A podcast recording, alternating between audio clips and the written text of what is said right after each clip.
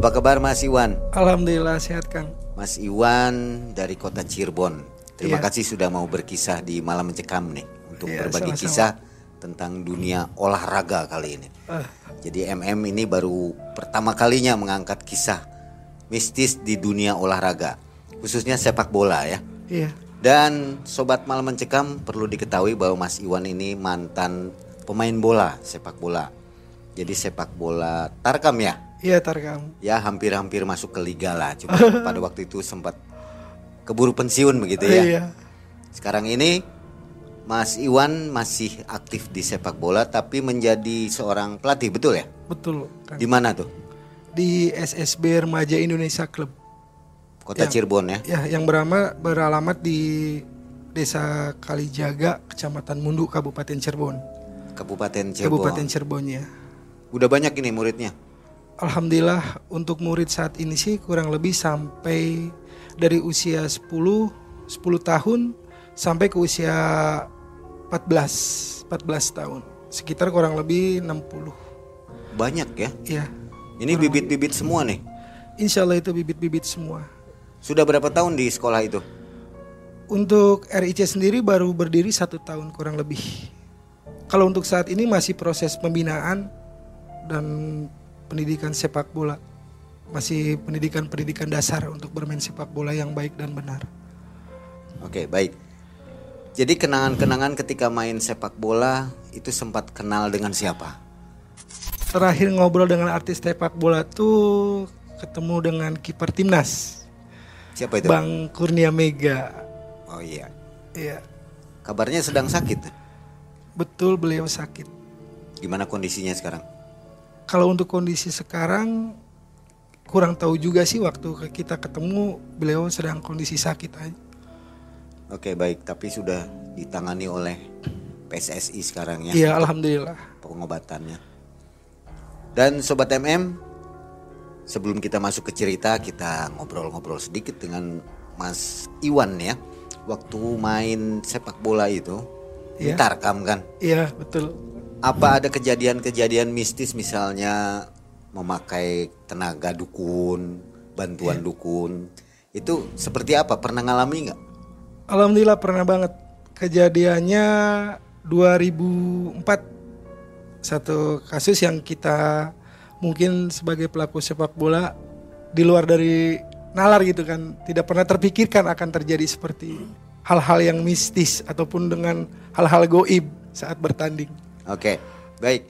Kira-kira kalau di PSSI atau di liga mungkin nggak pakai gituan, pakai tenaga bantuan paranormal, dukun atau goib ya? Mungkin nggak? Ini mah Kalau Kira-kira gitu. PSSI atau liga ya mungkin saja bisa. bisa ya, bisa iya, tidak ya. Bisa iya bisa tidak gitu kan. Oke, saatnya kita mendengarkan kisah nyata dari Mas Iwan tahun 2004 dan 2007. 2007. Jangan ke mana-mana, jangan skip videonya supaya nggak gagal paham, jadi asik mendengarkannya ya. Malam mencekam, semakin malam semakin mencekam. Inilah Mas Iwan, silakan.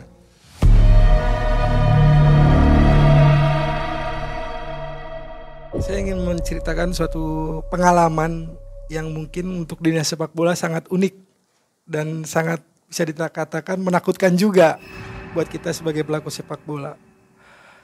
Di tahun 2004 kita pernah diminta untuk bermain di suatu daerah di Jawa Tengah.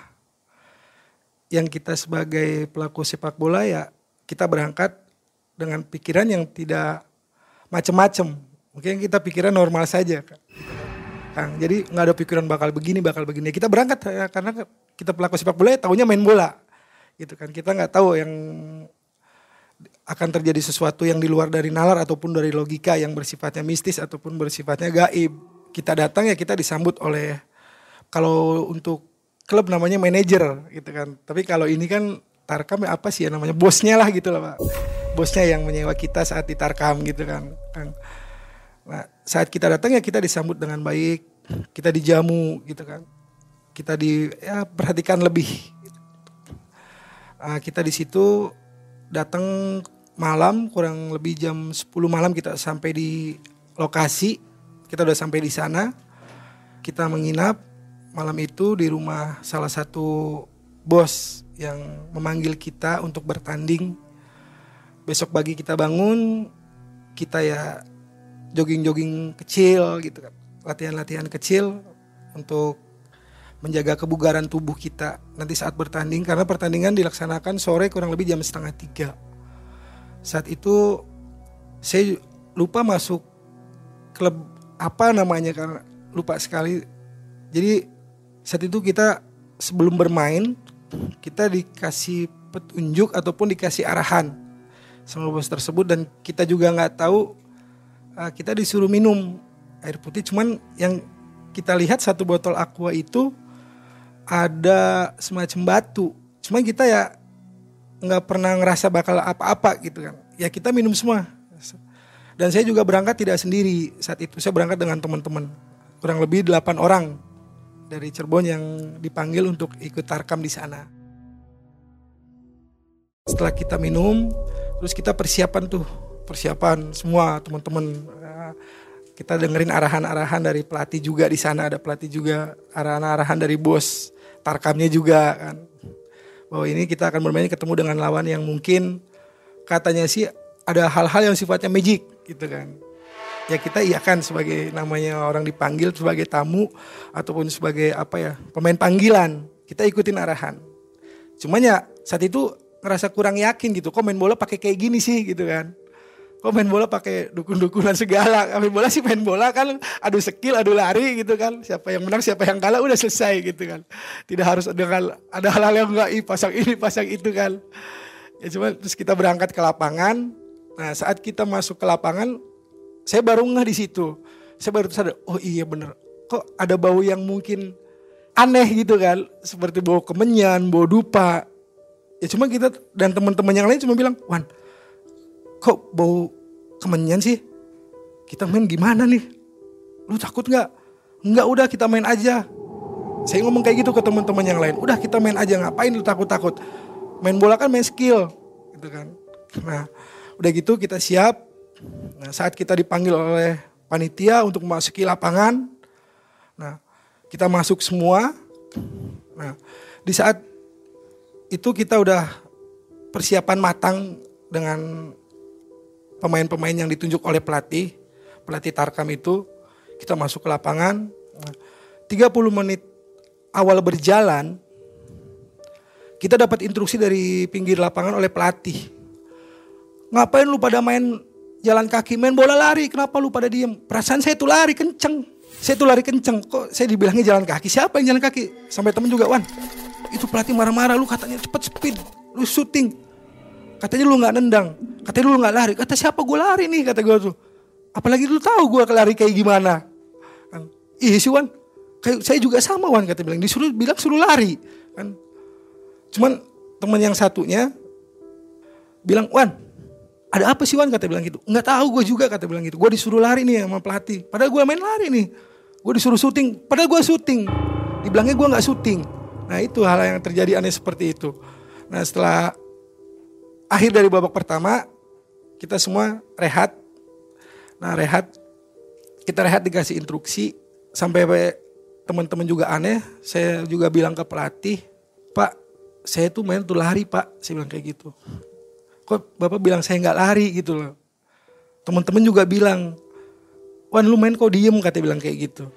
Itu yang terjadi saat itu. Saya juga sampai berpikir, aduh kok sampai kayak gini gitu kan. Main bola. Cuman saya udah terus uh, datang lagi tuh ada salah satu dari pesuruh bos datang bos tarkamnya. Yaitu kita dikasih air lagi saat itu dikasih air lagi. Cuman airnya agak sedikit pahit gitu kan kita nggak enak atau apa. Terus kita ya semua badan kita diusap kaki kita juga diusap pakai air itu tersebut. Semua pakai semua pemain di situ.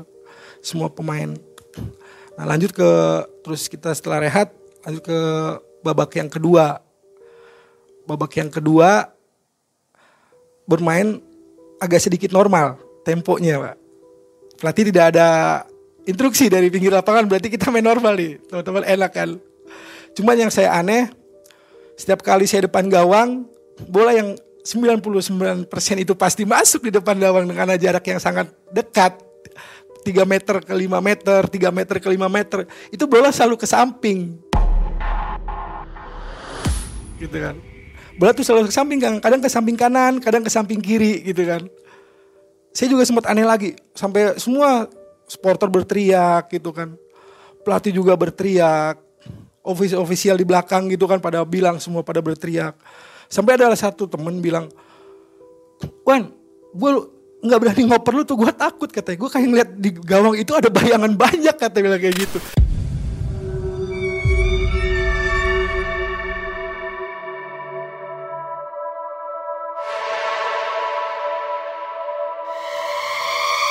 Dan tendangan lu waktu itu tuh Wal, kayaknya ditepis pakai apa nggak tahu kayak pakai pokoknya layar hitam deh wes gitu ke samping kanan wes ke samping kiri. Makanya gue takut gue makanya gue nggak umpan lu kata bilang gue balikin ke belakang. Padahal kalau umpan lu bisa gol tapi gue takut yang begitu masa sih? Iya Wan serius kan kan di delapan orang ini posisi berbeda-beda. Iwan striker temen sayap kanan sayap kiri yang lain di tengah dan di back. Back dua tengah satu. Sampai pemain teman Iwan yang di pemain gandang merasakan hal yang sama juga gitu kan. Terkadang mau ngoper kakinya gemetar. Sampai gimana gitu main bola kok kayak gini gitu kan. Sampai kita sendiri yang mengalami kekalahan saat itu. Skor cuma 2-0 Bang, Kang. Makanya kita aneh, kita tuh peluang berapa kali gitu kan. Peluang banyak sekali cuman setelah kita kalah terus uh, kita balik ke rumah bos ataupun kalau itu mah ke base camp kan. Kita ke base camp semua dikasih arahan.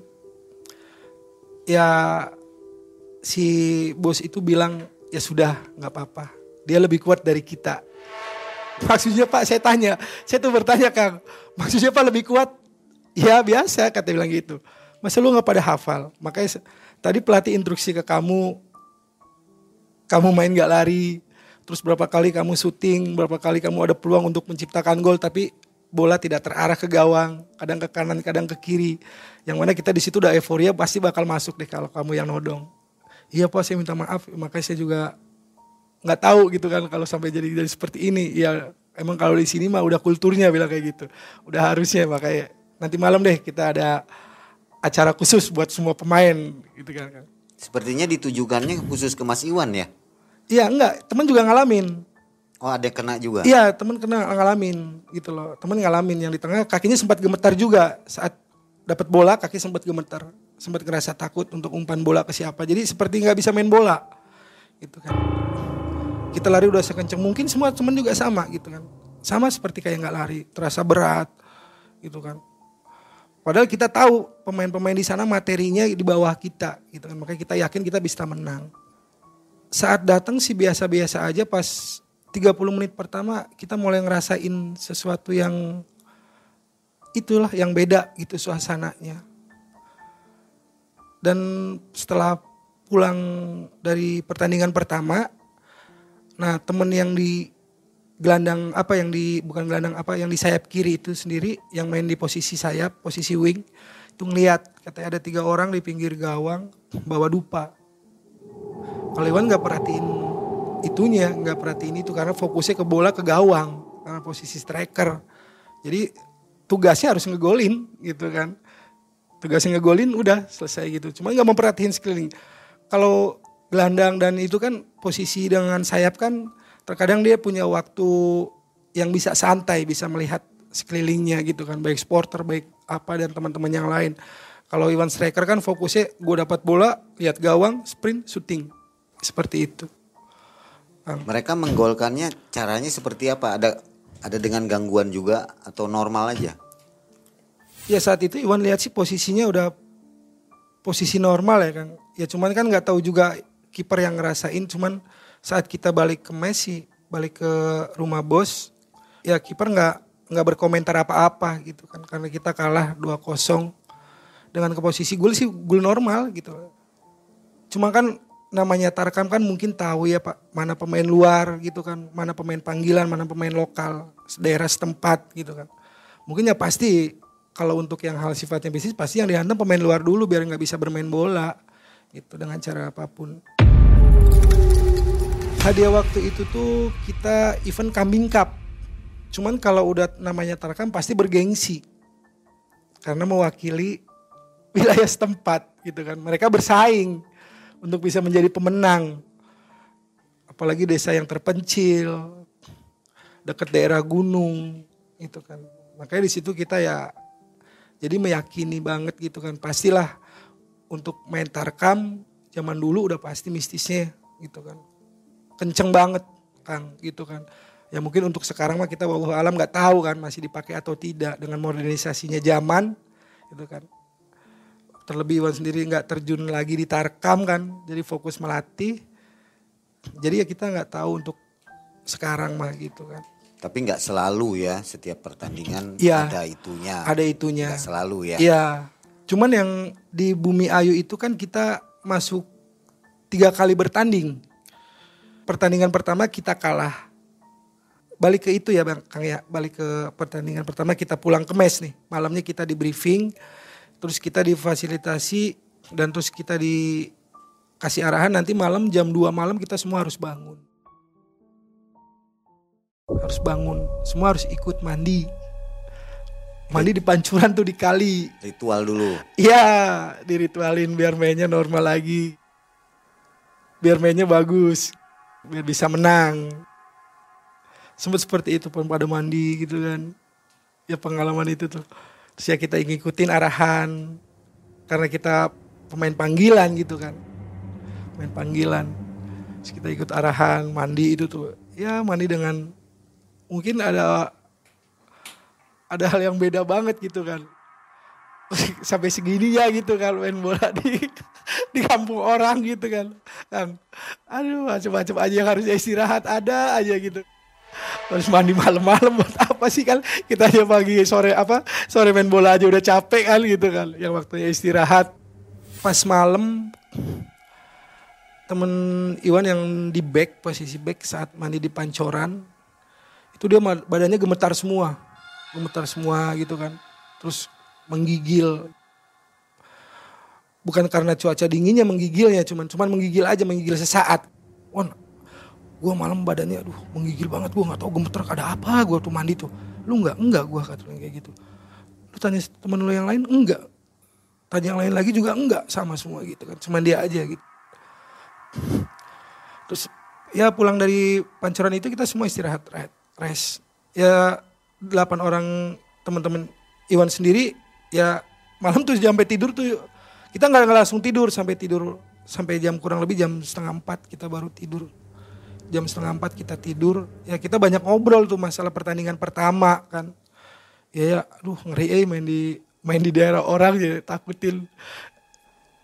Kan ada dua ini ada dua hal yang ditakuti saat kita tarkam itu sporter.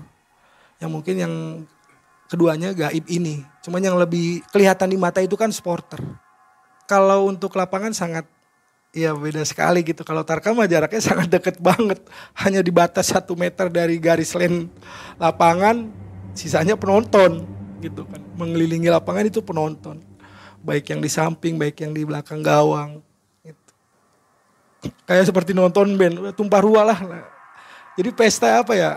Selain pesta rakyat pesta yang paling meriah untuk masyarakat di desa itu kalau sepak bola itu. Euforianya tuh ah, masya Allah hebat banget gitu kan. Kita juga kalau datang disambut meriahnya gitu kan.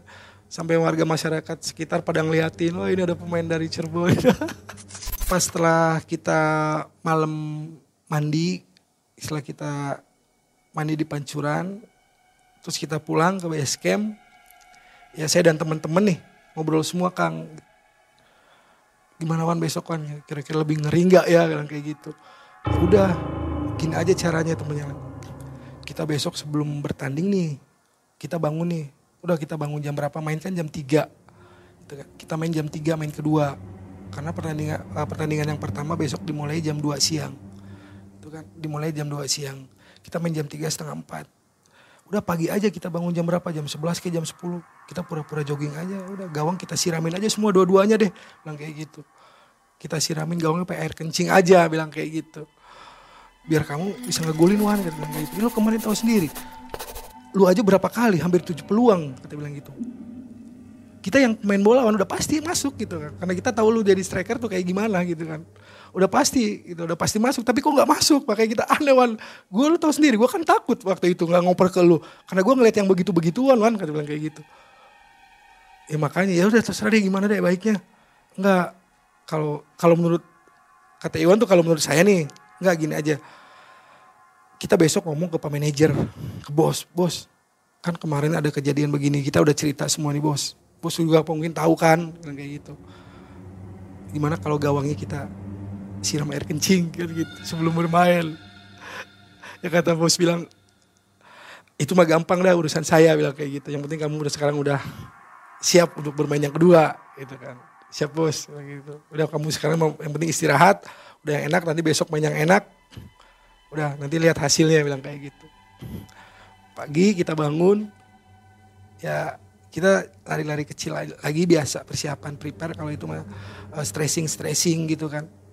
Pemanasan kecil aja sebelum bermain di halaman rumah gitu kan di halaman base camp. Seperti itu kita latihan kecil. Ya alhamdulillah eh, di pertandingan yang kedua kita menang. Kita menang 2-0 alhamdulillah anak-anak bermain normal. Gitu kan. Tanpa hambatan. tanpa hambatan sampai Nggak ada rasa-rasa dikerjain. Ah, nggak ada. nggak ada rasa-rasa dikerjain dan masuk waktu pertandingan kedua juga emang beda dengan pertandingan pertama. Kita masuk lapangan nggak nggak nggak nggak nyium yang begitu begituan, nggak nyium yang bau-bau begitu. Padahal udah kelihatan dari tim musuh itu pakai yang aneh-aneh. Ada tanda ke situ. Ada temen juga temen sempat ngelihat jadi rombongan dari supporter ada yang begitu lagi yang pakai baju hitam lagi gitu. Cuman nggak banyak dia cuman satu orang. Kalau yang pertama tiga. Kalau yang main kedua cuma satu orang. Ya Iwan juga alhamdulillah skor 3-1 Iwan ngegolin dua, teman ngegolin satu yang gelandang tendangan bebas mengejar jauh. Apa karena sudah mandi pancuran tadi ya? Sepertinya seperti itu. Karena Jadi kita udah nggak bisa masuk serangannya. Iya udah bisa masuk. Pertandingan ketiga pun kita lolos, kita menang lagi. Cuma menang tipis 1-0. Ya malamnya sama juga begitu. Buat jaga-jaga lagi kita mandi lagi. Seperti itu. Kita di situ hampir 4 hari. Karena semua total 16 tim.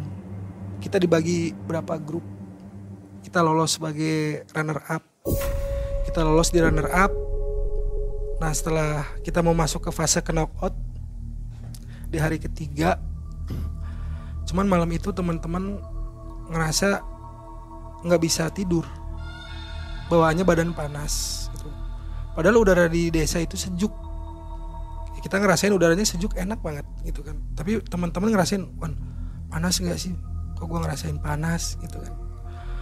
Nah, ya udah lu baca-baca doa aja yang penting kan kita udah ritual nih udah kita udah mandi udah apa kan udah dikasih arahan juga itu kan iya ya Wan ya ya udah pokoknya lu pada tidur deh semua udah oke udah jangan pikir macem-macem udah tidur sekarang yang enak. Gampang lu pada baca doa. Cuman pas jam setengah kurang lebih setengah tiga kita dikagetkan dengan suara seperti atap dilempar banyak banget gitu. Bukan satu lemparan cuman belum berang enggak. Blum, blum, blum, blum, blum, gitu kan. Di atas atap kita tuh. Waduh sama teman-teman ini apa lagi nih? Bakal ada hal-hal apa lagi nih kan yang pertama begitu kan gitu yang kedua ketiga kita lolos deh udah aman deh kayak gitu kan nah malam masuk kita mau bertanding malamnya kan kita tahu sendiri kata teman-teman Wan lu kan tahu sendiri kita semua kan pada bangun gitu kan sampai pelatih juga bangun jadi atap rumah itu bukan dilempar satu batu gitu. Seperti kayak orang banyak yang lempar tapi bersamaan kan bunyinya seperti apa kan gitu kan. Jadi kan pada kaget semua, pada kebangun semua anak-anak kan. Kita bangun. Pup, kita pada keluar gitu kan. Aduh ada apa lagi nih coach, ada apa lagi nih. Udah nggak apa-apa ya, sudah tidur aja tenang. Kurang lebih setengah tiga, setengah tiga pagi. Kita ya balik tidur. Paginya kita seperti biasa. Gitu. Seperti biasa dengan teman-teman yang lain gitu dan masuk-masuk lapangan temen sih ada yang ngerasain perasaan nggak enak gitu tapi ke Iwan alhamdulillah gitu kan Iwan sendiri ya ada juga perasaan nggak enak gitu kan. Cuman Iwan ah tak bawa baca doa aja kan. Istighfar aja banyak istighfar istighfar istighfar gitu kan. Ah minta dikasih keselamatan namanya juga main tarkam yang namanya orang minta keselamatan apa aja kan Kang ya? Gitu yang dari hal yang mistis dari masyarakat dari yang jahil gitu kan. Pakai semua gitu. Ya main ke fase ke knockout itu ya main normal. Main normal tidak ada ya hal-hal yang gimana kan ya Iwan tendang emang ditepis sama kiper. Gitu. fase knockout kita kan kalah di adu penalti. Ya walau alam juga sih. Kita juga penalti yang masuk cuma dua yang nggak masuk tiga. Ya mungkin pas pakainya di adu penalti mungkin ya pak bisa jadi. Karena penentu gitu kan. Buat masuk delapan besar masuk ke semifinal. Nah itu. Di situ kita kalah di adu penalti. Bola bola yang di tepi satu yang keluar ke gawang dua kita yang masuk cuma dua. Kita kalah empat dua. Di adu penalti di fase knockout. Gagal ya? Gagal kita gagal masuk ke final. Padahal kita tim yang diunggulkan saat itu. Karena masyarakat tahu yang bawa kita adalah bos besar gitu kan. Bos induk kalau itu sih. Mungkin bos yang paling kaya di situ kan bos induk. Jadi ya mungkin pastilah bahwa pemainnya bukan pemain sembarangan kan gitu. Pasti pemainnya pemain hebat-hebat semua gitu kan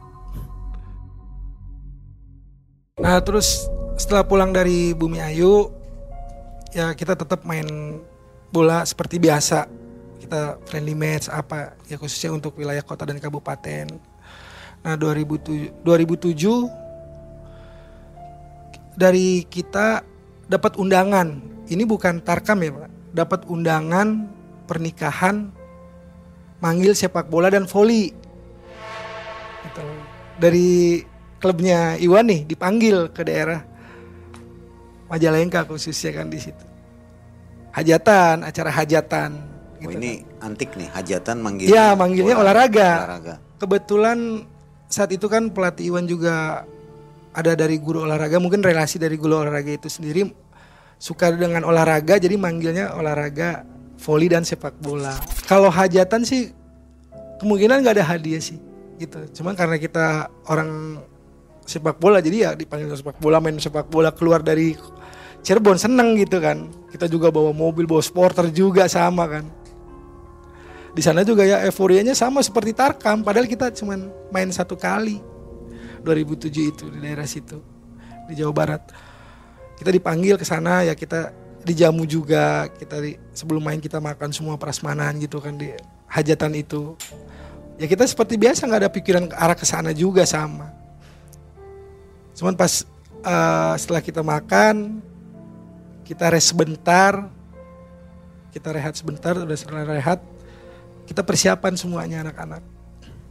Anak-anak semua persiapan. Yang volley di sebelah sana yang sepak bola itu lapangannya di sana gitu. Jadi udah semua udah disiapkan semua. Sudah gitu ya kita udah persiapan bertanding. Yang uniknya lagi yang lucu spontanitas ini mah bukan dari pemain bola bukan dari manajer bukan dari apa gitu loh. Supporter dari Iwan sendiri gitu kan. Dengan terang-terangan di tengah lapang gawang dikencingin dilatih sama orang kan lucu bang. Ini ada lagi seperti ini yang lihat sendiri gitu kan ya. Lu ngapain? Malu tahu kan udah nggak apa-apa kang ya. Wah nggak apa-apa udah aja emang teman teman Iwan juga ya bukan pemain sepak bola warga kan ya. Cuman temen emang orangnya selengean gitu loh mang. Dia selengean udah pokoknya gitu wah kecil aja biar pelang. Jadi kan kita semua ketawa pemain tuh. Itu sebelum itu ya sebelum apa namanya? Sebelum tim lawan datang kita udah masuk lapangan dulu tapi udah banyak orang gitu kan. Udah sebagian banyak yang hadir gitu kan. Cuman teman lain nutupin jadi nutupin gawang supporter. Kan kita bawa supporter ini kecil gitu masih orang dilihat lagi pada ngapain kan lucu Iwan kan Iwan jadi inget pengalamannya waktu dulu gitu kan waktu main di Jawa Tengah wah ini kayaknya nih main lagi. Namanya daerah Jawa Jawa Baratnya juga daerah desa juga kan gitu. Pasti kan jadi mindsetnya yang terbangun wah pasti kalau main tarkam ataupun main sparring di desa pasti nih pasti main dukun jadi mindset yang terbangunnya seperti itu. Rasa ketakutan dengan begitunya pasti ada. Bang masih muncul bang gitu kan. Nggak jadi nggak nggak normal normal aja gitu kan seperti yang sekarang mungkin kalau sekarang sih ya Allah alam mungkin bisa mungkin tidak gitu kan. Yang namanya tarkam tetap kalau kalau penilaian Iwan pribadi sih untuk tarkam di zaman sekarang juga kemungkinan bisa jadi juga gitu. Nggak jauh dari seperti itu. Ya mungkin nggak semua pastilah. Ya kan karena yang maaf eh, mang kalau tarkam itu kan ya maaf ini sih Iwan bukan apa pasti di belakang kan ada yang merasa mengunggulkan ini mengunggulkan itu mengunggulkan ini. Pasti kan? Otomatis juga punya apa ya membawa nama besar gitu kan.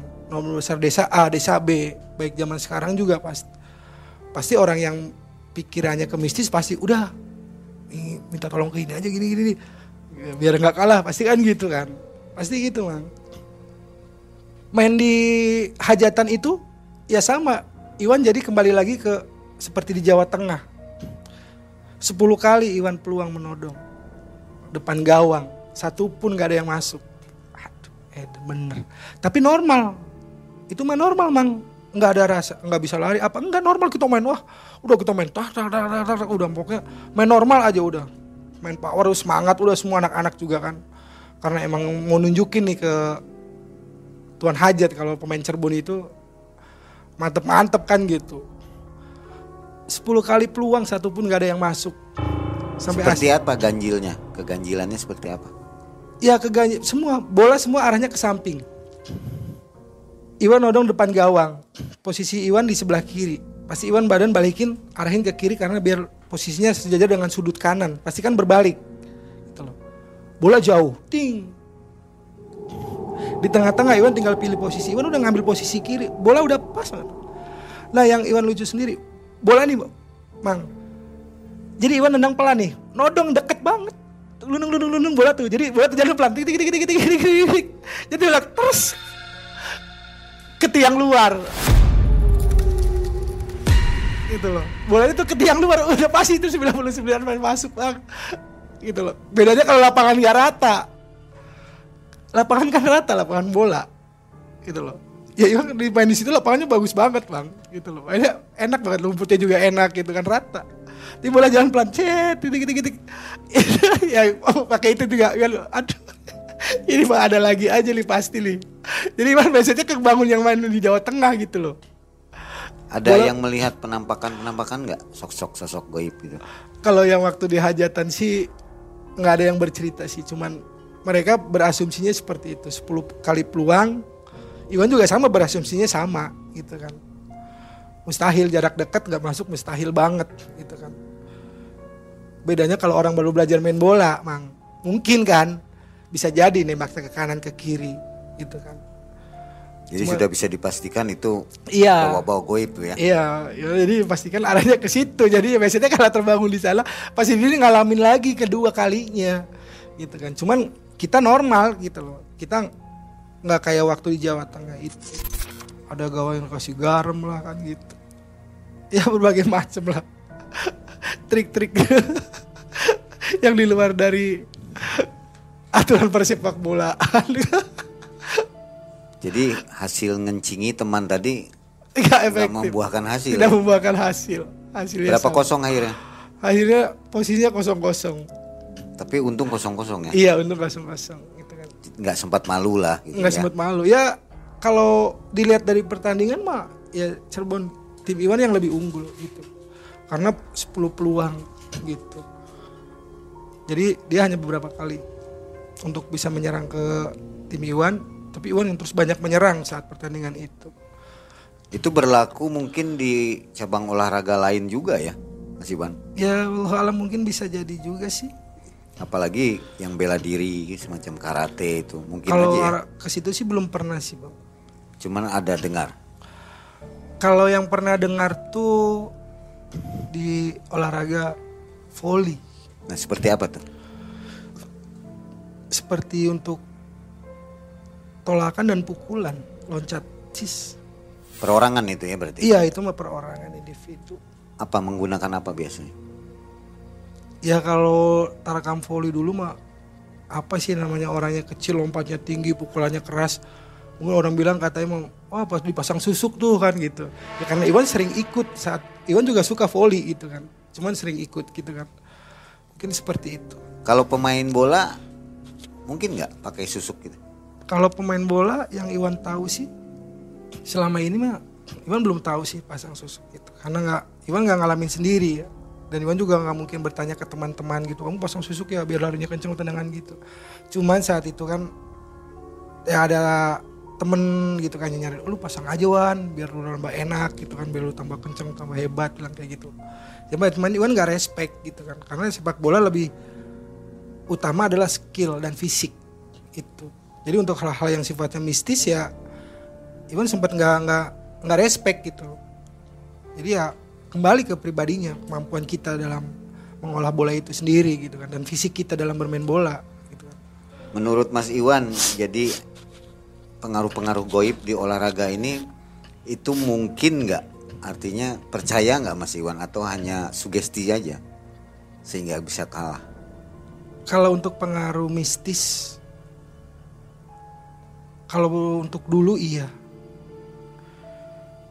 zaman dulu iya, mungkin Iwan iya gitu kan.